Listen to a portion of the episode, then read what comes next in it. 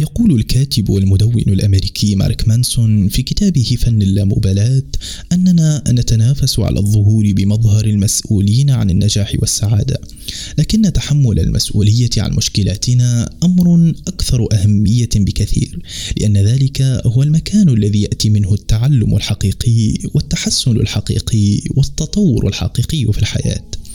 من خلال هذه الرؤية أراد الكاتب إيصال وتمرير فكرة أننا قد لا يمكننا التحكم في الظروف الخارجية لكننا مسؤولون عن كيفية التعامل معها وهذا ما يصنع الفارق بين الفشل والنجاح.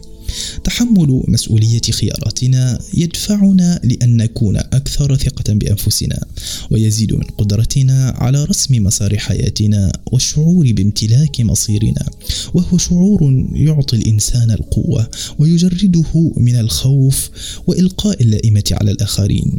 تحمل المسؤولية يزيد من إدراكنا أن ما يحصل في حياتنا هو نتيجة قراراتنا واختياراتنا. اللهم إني أسألك الثبات في الأمر والعزيمة على الرشد وأسألك موجبات رحمتك وعزائم مغفرتك وأسألك شكر نعمتك وحسن عبادتك وأسألك قلبا سليما ولسانا صادقا وأسألك من خير ما تعلم وأعوذ بك من شر ما تعلم وأستغفرك لما تعلم إنك أنت علام الغيوب.